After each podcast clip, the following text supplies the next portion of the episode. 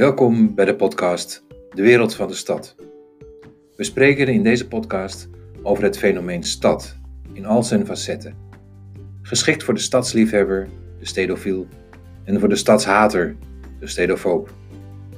Steeds een half uur onderdompelen in theorie en praktijk, in geschiedenis en toekomst, in de triomf en in het failliet van de stad. Mijn naam is Pieter Nooy.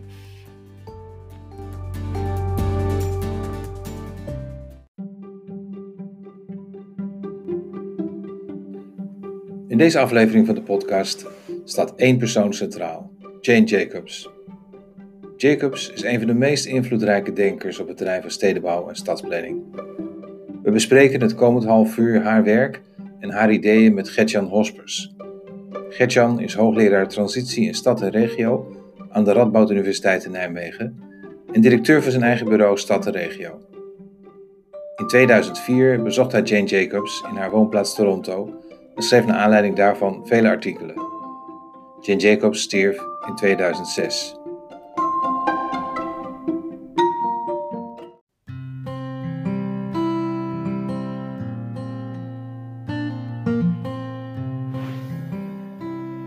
Gertjan, wat leuk dat je wat wil komen vertellen over Jane Jacobs, jouw eh, grote heldin. Wie was zij? Nou, allereerst uh, Piet, uh, ook dank aan jou dat je mij hiervoor hebt uitgenodigd. Want ja, daar kun je me s'nachts wakker maken voor een gesprek over Jane Jacobs. Jane Jacobs, ja, ik heb hem wel eens dwarsdenker genoemd over stad, economie en samenleving. Het was echt een luisterende pels van, van veel stedenbouwers. En tegelijkertijd heeft ze ook, ook al leefde ze in, uh, heeft ze haar belangrijkste werk in de jaren 60 geschreven, is nog steeds heel relevant voor uh, vraagstukken waar we nu uh, mee te maken hebben. En zij is voor mij een hele belangrijke inspiratiebron. Nou, en Jane Jacobs, natuurlijk ook een, beetje een artiestennaam, hè? Klinkt, ook heel goed natuurlijk. haar eigen naam was Boetsner, Jane Boetsner, maar Jacobs was de naam van, van haar echtgenoot, een architect. En um, zij is geboren in Scranton, een uh, mijnstadje in Pennsylvania. Overigens dezelfde plek waar Joe Biden is, uh, is opgegroeid. Uh, dus in ieder geval heeft het stadje twee beroemdheden voortgebracht. Um, die Jane Jacobs ja, die zat op school en die vond er eigenlijk maar weinig aan. ze verveelde zich een beetje, ze stiekem alle andere boeken te lezen. Haar vader had een huisartsenpraktijk. En um, na school ja, wilde ze eigenlijk de wijde wereld in. ging ze naar New York. Het was de tijd van de depressie. Het ging allemaal niet zo goed daar in Amerika. En heel veel ja, tijd die ze daar doorbracht in New York, toen ze naartoe ging, heeft ze ook lopend door de stad doorgebracht. Want ze had gewoon geen werk. Ze had allerlei baantjes, ze was journalist. Uh, ze, deed allerlei klusjes. Maar daar ontwikkelde bij haar het idee van ik moet dat met die steden gaan doen. Ik wil daar meer van begrijpen. Nou, uh, tijdens een van haar baantjes als uh, freelance journalist uh, bij het Instituut voor Oorlogsdocumentatie kwam ze haar echtgenote tegen, Robert Jacobs, met wie ze in de jaren 40 trouwde en een huis betrok. En hij heeft ook heel veel invloed op haar gehad als architect. En daardoor ontwikkelde ze zich een beetje als iemand die schreef over architectuur, stedenbouw. Maar mind you, had dus geen opleiding daarin. Ze was niet gehinderd door enige kennisbatterij. Maar het leuke daarvan was dat ze ook heel onbevangen naar kon kijken. En met een scherpe pen, kun je al raden wat er gebeurt, ja, dan ontstaan er natuurlijk hele boeiende verhalen. En ze schreef dus ook allerlei dingen die ze zag, al wandelend door New York, eh, over die stad, hoe die zich ontwikkelde. En eh, dat heeft de grondslag gelegd voor haar eerste werk, The Death and Life of Great American Cities, een boek dat meteen inslag insloeg als een, eh, als een bom in de stadsplanning van die tijd. Wat was het geval? Zij wonen in Greenwich Village, een, gezellige volkswijk. En in die tijd was Robert Moses, de stadsplanner van, van New York, het grootste plannen. Die moest allemaal tegen de vlakte. Er moest een, een, grote weg door die wijk worden gebouwd, waar je met de auto snel doorheen kon. Ja, want al die oude stadswijken, dat was eigenlijk maar niks. Zij is toen activiste geworden. Zij is namens de buurt gaan optreden voor het behoud van die plek. Ze is ook een paar keer opgepakt door de politie en dergelijke. En dus heeft het boek geschreven. En dat boek, die, die wijk is zo gebleven, dus daarmee ze succes. Maar het boek is haar erfenis die nog op de dag, tot op de dag van vandaag wordt, uh, wordt gelezen. En sindsdien is Jane Jacobs uh, verder gegaan met het schrijven over steden. Dat is één deel van haar werk. Drie boeken over steden. The Death and Life of Great American Cities. Uh, the Economy of Cities. And Cities and the Wealth of Nations. En daarna is ze zich meer gaan toeleggen op de economie en samenleving. En dat heeft ook geleid tot een aantal boeken. Maar we zullen ons hier natuurlijk beperken tot, tot de stad. Nou, je zou denken, New York wil ze niet meer verlaten, hè, want daar was, hè, Greenwich Village was zo uh, belangrijk voor haar. Maar hier zien we haar activistische houding. Uh, de Vietnamoorlog begon en ze was het oneens met de houding van de Amerikaanse regering in die tijd. En dat zette ze kracht bij door te verhuizen naar Toronto. zeg maar New York zonder de problemen. Of New York run by the Swiss, zoals wel eens werd gezegd. Hè city which works, zei ze ook wel. En in Toronto, daar is, uh, uh, heeft ze het grootste deel van haar, uh, van haar leven ook gewoond aan Albany Avenue 69. Het huis staat nog steeds.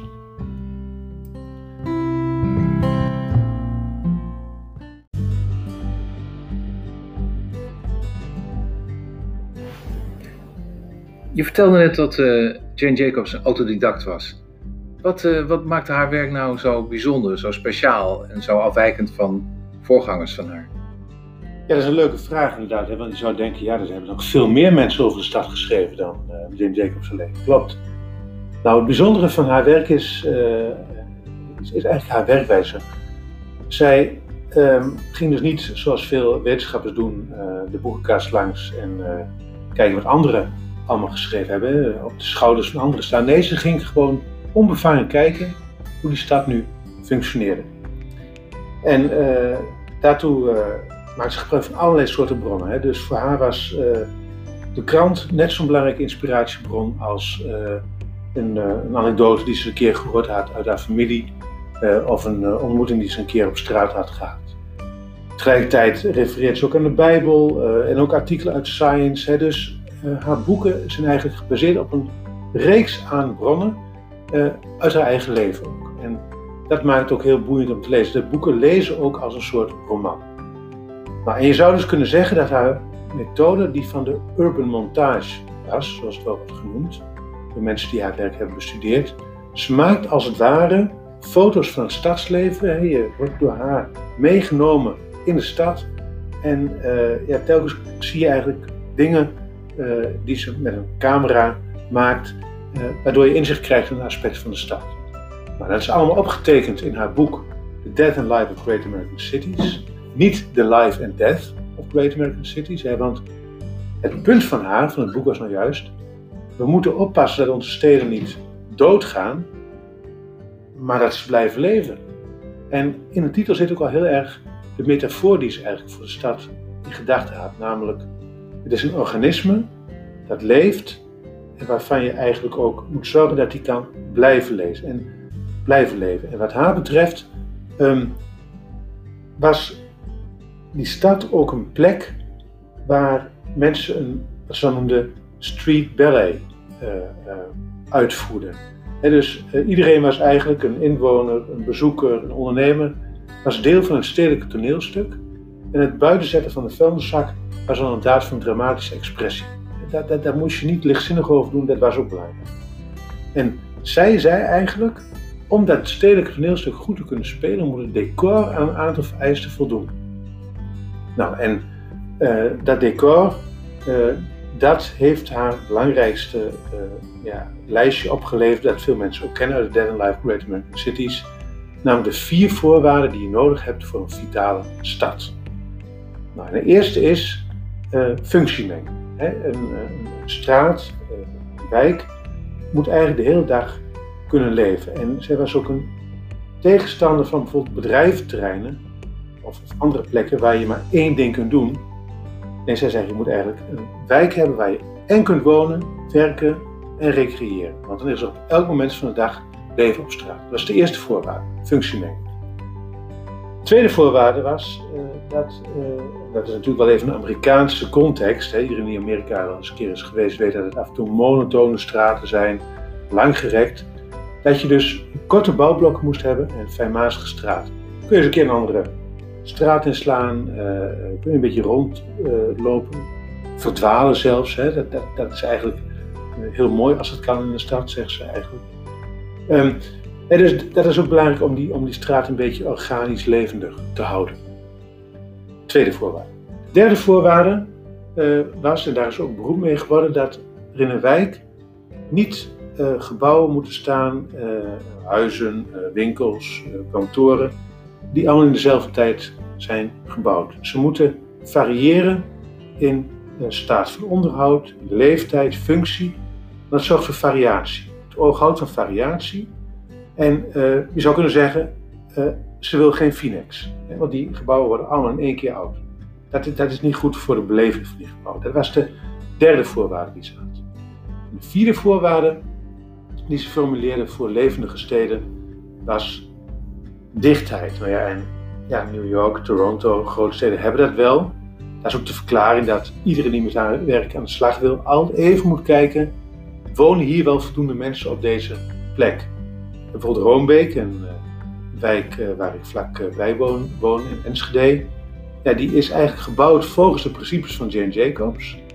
Maar tegelijkertijd, ja, die dichtheid is niet zo hoog als in New York, in Greenwich Village of andere wijken. Waardoor het ja, toch niet de vitaliteit heeft die je in zo'n Amerikaanse stadswijk wel vindt. Dus functiemenging, fijnmazige stratenpatronen en korte bouwblokken. Ehm, ja, gebouwen uh, die uh, variëren in staat van onderhoud, leeftijd en functie en dichtheid. Dat, zegt, dat zijn de ingrediënten van een vitale stad. In zo'n stad kun je het stedelijk toneelstuk goed spelen. En als je dat maar opvolgt, dan krijg je vanzelf levendige steden. Nou, er staat natuurlijk nog veel meer in het boek. Maar tegelijkertijd is dat wel een boodschap die in die tijd, natuurlijk ook de jaren 60, waarin men wilde slopen, grote gebaren dacht, is er natuurlijk iets uh, wat insloeg als een bom.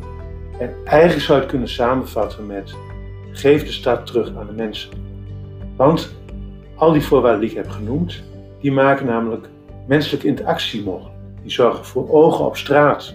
Hè, dat mensen hun oog in het cel houden, dat ouders hun kinderen buiten kunnen laten spelen door contact te hebben met uh, de straat hem via ramen het zorgt voor sociaal kapitaal, hè, dat mensen elkaar groeten op straat en zich een beetje ja, thuis voelen in de buurt. En ook allerlei andere zaken die die stad wat levendigheid en menselijke maat geven, die we vaak ook zo waarderen als we zeggen, dat is een fijne stad, daar voel ik me thuis.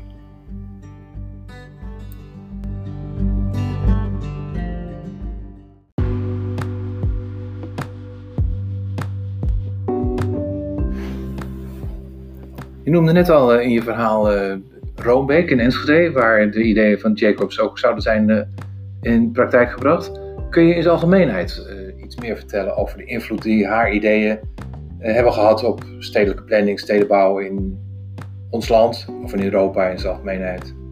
Ja, er zijn veel mensen die zich hebben laten inspireren door Jane Jacobs. Obama heeft er ook wel eens geprezen hè, als een van de meest rijke denkgebied van steden. Hè. Dus ze is bij op allerlei niveaus is, is, is, is bekend. Maar ze heeft eigenlijk al vrij snel na de publicatie van haar boek in de jaren 60 invloed gehad op stedenbouw, niet alleen in Amerika, maar ook elders in, in de wereld. En ook in Nederland. Hè. Denk aan bijvoorbeeld in Amsterdam, waar het bouwen voor de buurt op haar ideeën is, is, is geïnspireerd. En waarbij ja, en ze was natuurlijk ook als activist, sprak ze ook mensen aan die, die, die tegen het gevestigde regime waren. Ze had een boek geschreven, maar ook, vond men ook mooi, hè. ze ging ook echt ten strijde. En bijvoorbeeld de krakers, uh, maar ook uh, verzet van mensen tegen de grote doorbraken in Amsterdam. Denk aan deze straat, Wieboudstraat. Uh, daar, daar sloeg haar ideeën aan.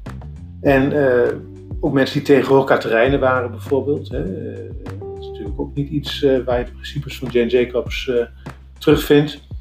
Dus haar boek was eigenlijk een, een, een, argument voor veel mensen om ja, die menselijke maat in de buurt die ze waardeerden te hanteren. Zelf zei ze daar overigens over.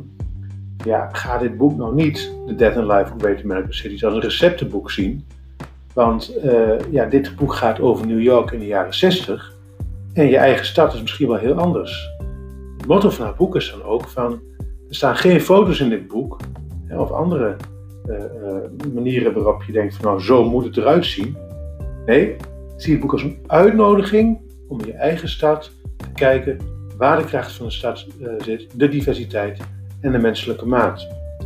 Nou, en eigenlijk ja, kun je het ook wel je voorstellen als je een boek begint met de volgende zin: This book is an attack on current city planning and rebuilding. En dan weet je genoeg. Dus dit boek is een aanval op de gangbare stadsplanning. Dan, dan krijg je wel rode oortjes, dan wil je wel verder lezen. Nou, en dat hebben veel mensen dus ook gedaan. En uh, dan hebben ze een beetje selectief er ook dingen uitgehaald die hun goed van pas komen natuurlijk. Maar het is een soort bijbel geworden voor mensen die hun stad willen, de menselijke maat willen behouden en divers willen houden. Wat is er van haar werk echt overgebleven, ook in deze tijd? Waar herinneren mensen aan? Dat is toch die functiemenging. Dat kan echt heel ver gaan. Denk ook aan wonen boven winkels. Denk aan uh, bedrijvigheid in de wijk. Uh, maar ook niet grote wegen, grote straten voor auto's, maar veel meer. Je zou zelfs kunnen zeggen straten voor voetgangers en fietsers. Het is allemaal een beetje te linken aan Jim Jacobs. En onlangs nog, onlangs, hè, sinds, sinds, sinds 15, 10 jaar, zie je dat met name ook uh, erfgoedmensen haar werk hebben ontdekt. En zeggen van ja, dat erfgoed moet je niet afbreken, dan moet je hergebruiken. En een beroemde zin van haar is ook nieuwe ideeën hebben oude gebouwen nodig. En met name jonge ondernemers, creatieve geesten, die gedijen goed in een, eh, in een oud gebouw, een fabrieksgebouw. Denk aan de Westergasfabriek, denk aan uh, de Hallen of de Wilhelmina Gasthuis in Amsterdam. Maar op allerlei andere plekken in het land uh, vind je ook oude gebouwen waarin nieuwe activiteiten plaatsvinden. En dat is ook een belangrijke uh, erfenis van haar werk in ons land. Heb je nou ook daaruit doorredenerend zwakke punten in haar filosofie kunnen ontdekken? Want zij, het lijkt wel alsof zij bijvoorbeeld gentrification alleen maar positief heeft geduid. Klopt, daar heb je gelijk in. Hè. Uh, haar werk uh, moet je eigenlijk altijd lezen in de context van de jaren 60 in Amerika, althans uh, with Dead and Life, Great American Cities. En ja, als je het boek leest, dan lijkt het net alsof, alsof je op het platteland niet zou kunnen wonen. En, en of iedereen er nou staat te juichen dat er midden in de nacht café op de hoek in en al vitaliteit is, dat is natuurlijk ook niet het geval. Nou, en uh, ze voorzag ook allerlei dingen natuurlijk niet. Hè? Dus, dus uh, inderdaad, inkomensongelijkheid, het feit dat uh, mensen van buiten in de wijk kwamen wonen, juppen, waardoor de bestaande bevolking de eigen de, de, de, huur niet kon, kon betalen.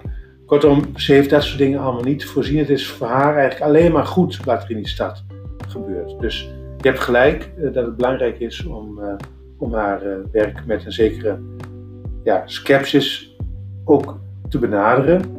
En dan hebben we het nog niet eens natuurlijk over de vraag die meer uit wetenschappelijke hoek kwam. Ja, waar baseert het eigenlijk allemaal op? Allemaal leuk en aardig dat je een beetje rondloopt en, en schrijft wat je ziet. Maar is het niet verstandig om er wat fundamenteler over na te denken? En ja, en ook uh, misschien niet al te fysisch deterministisch te zijn. Hè? Want het lijkt net als je haar recept volgt, die vier voorwaarden die ik eerder uh, genoemd, dat het allemaal goed komt. Zo is het natuurlijk ook niet. Hè? Uh, de ruimte is niet conditionerend voor het gedrag van mensen. Er komt veel meer bij kijken en elke plek is weer anders. Maar daarbij zeg ik toch weer, ik ben natuurlijk toch wel fan, zeg ook het staat in haar boek, hè, want ze zegt ook, kijk nou vooral ook rond in je eigen stad gaan. niet voor copy-paste. Dus zij is duidelijk van de school, kies voor karakter van je eigen stad in plaats van karaoke. En dus meegaan met de trend die in andere steden vindt.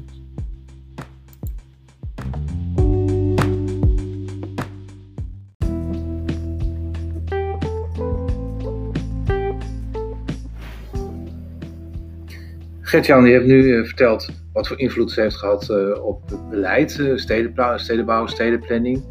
Heeft Jane Jacobs als niet-academica ook veel invloed gehad op collega-wetenschappers?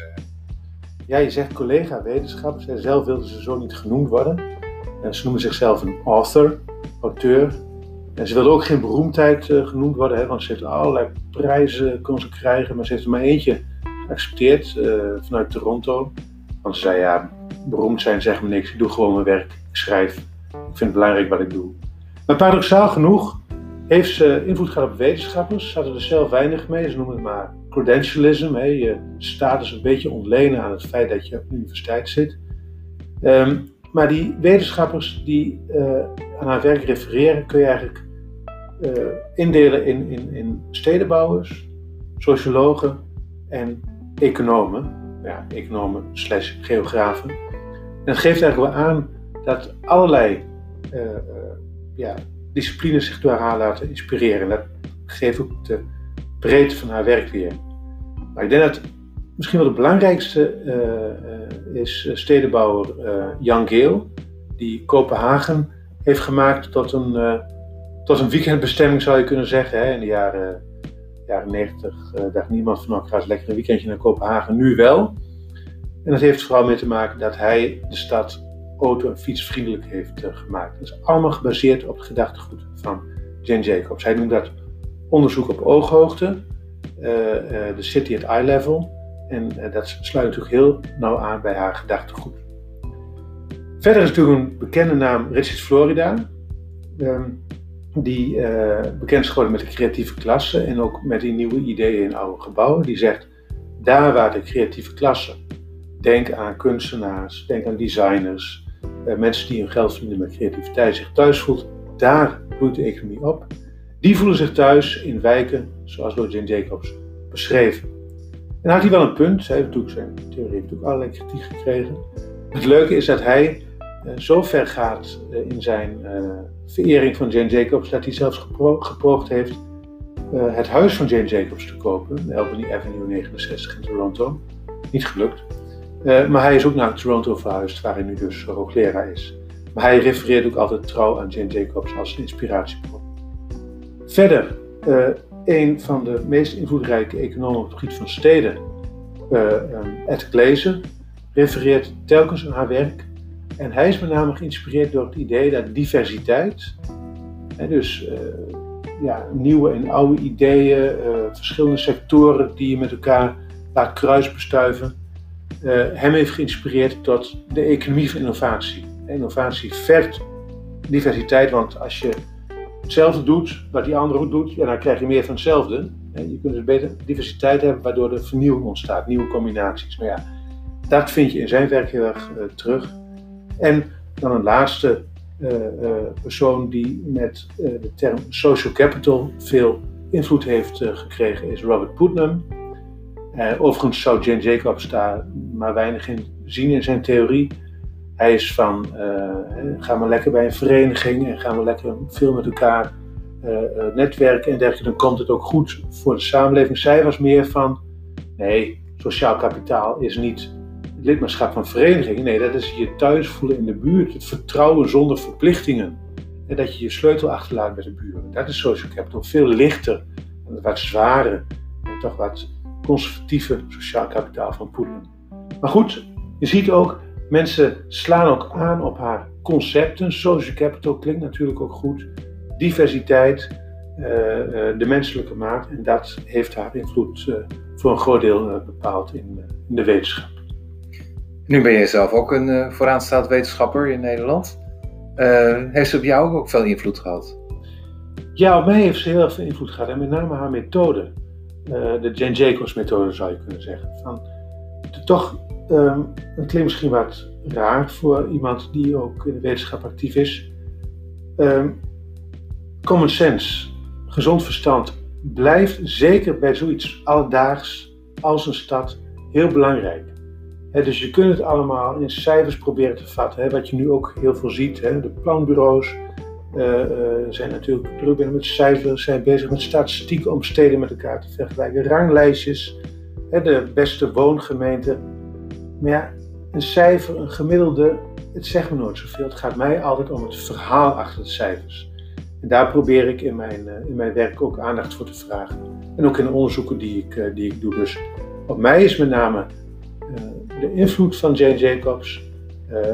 ga de stad in, kijk om je heen, sla eens een andere straat in, doe eens wat anders dan je gewend bent om te doen. Ga met mensen in gesprek.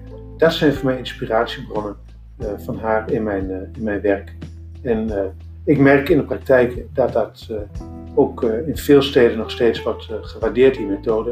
Het is wel even wennen, want ja, want ze denken er komt iemand van de wetenschap, die gaat ons zeker nu mooie grafieken laten zien en mooie statistieken en mooie cijfers. En die zegt eigenlijk, ja, zullen we even de stad in gaan lopen en een kop koffie drinken en kijken wat we aan de stad kunnen verbeteren.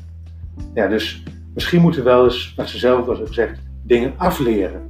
En we zijn zo getraind op een wetenschappelijke manier te kijken naar de stad, dat we soms vergeten dat een stad ja, iets levendig is, iets is waar iedereen verstand van heeft. En dat is misschien ook wel net zo aardig, denk ik, om het een beetje samen te vatten. Wat, uh, hoe gepassioneerd en tegelijkertijd hoe echt uh, waardevol ze over steden kan schrijven zij. Namelijk, uh, steden hebben voor iedereen wat te bieden. En daarom zijn het ook zulke mooie, mooie objecten waar we onderzoek naar moeten blijven doen.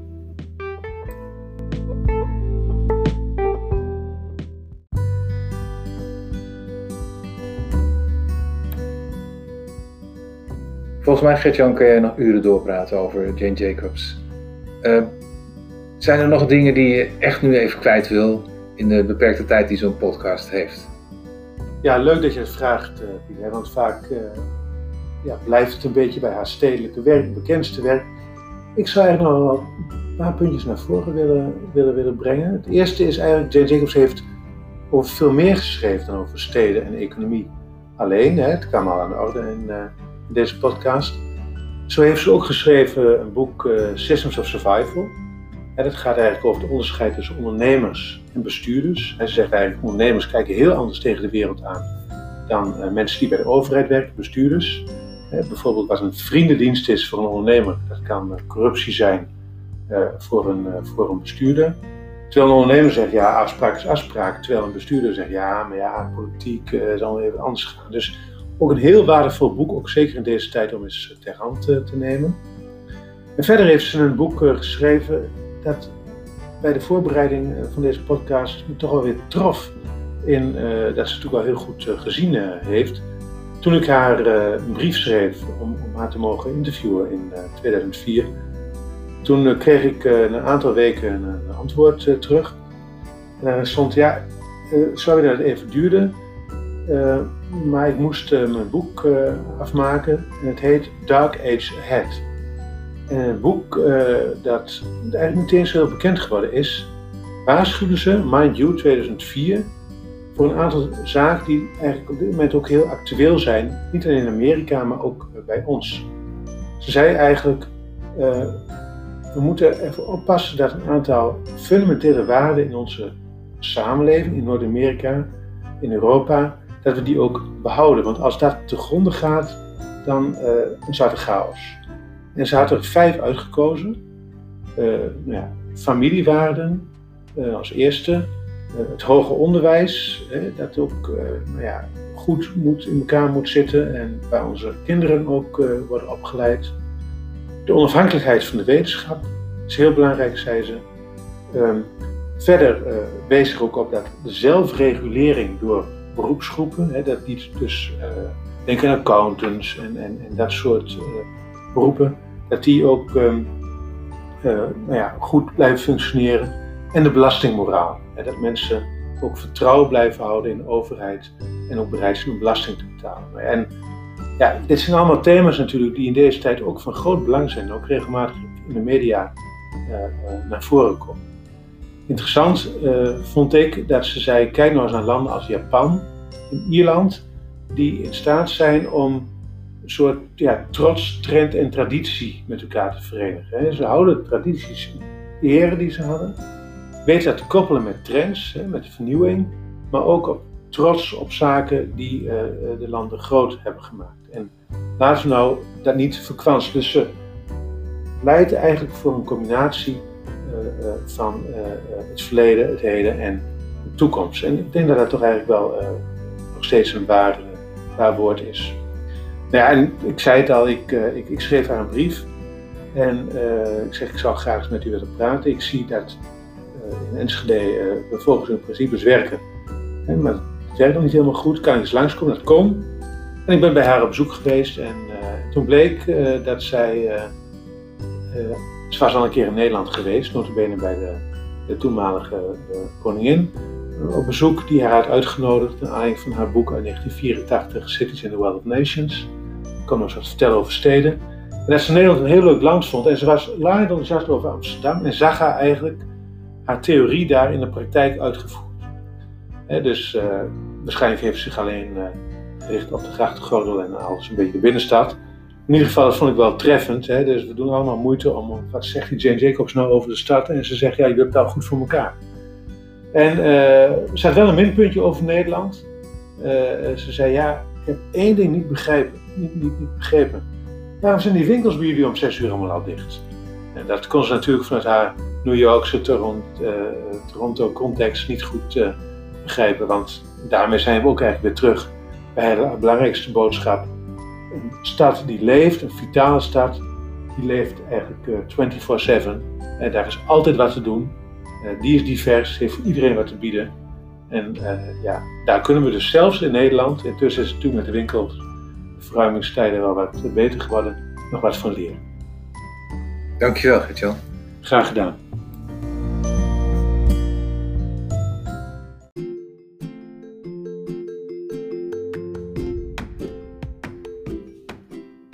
U luisterde naar de derde aflevering van de podcast De Wereld van de Stad. Dit keer met Gertjan Hospers, die vertelde over het leven en de ideeën van Jane Jacobs.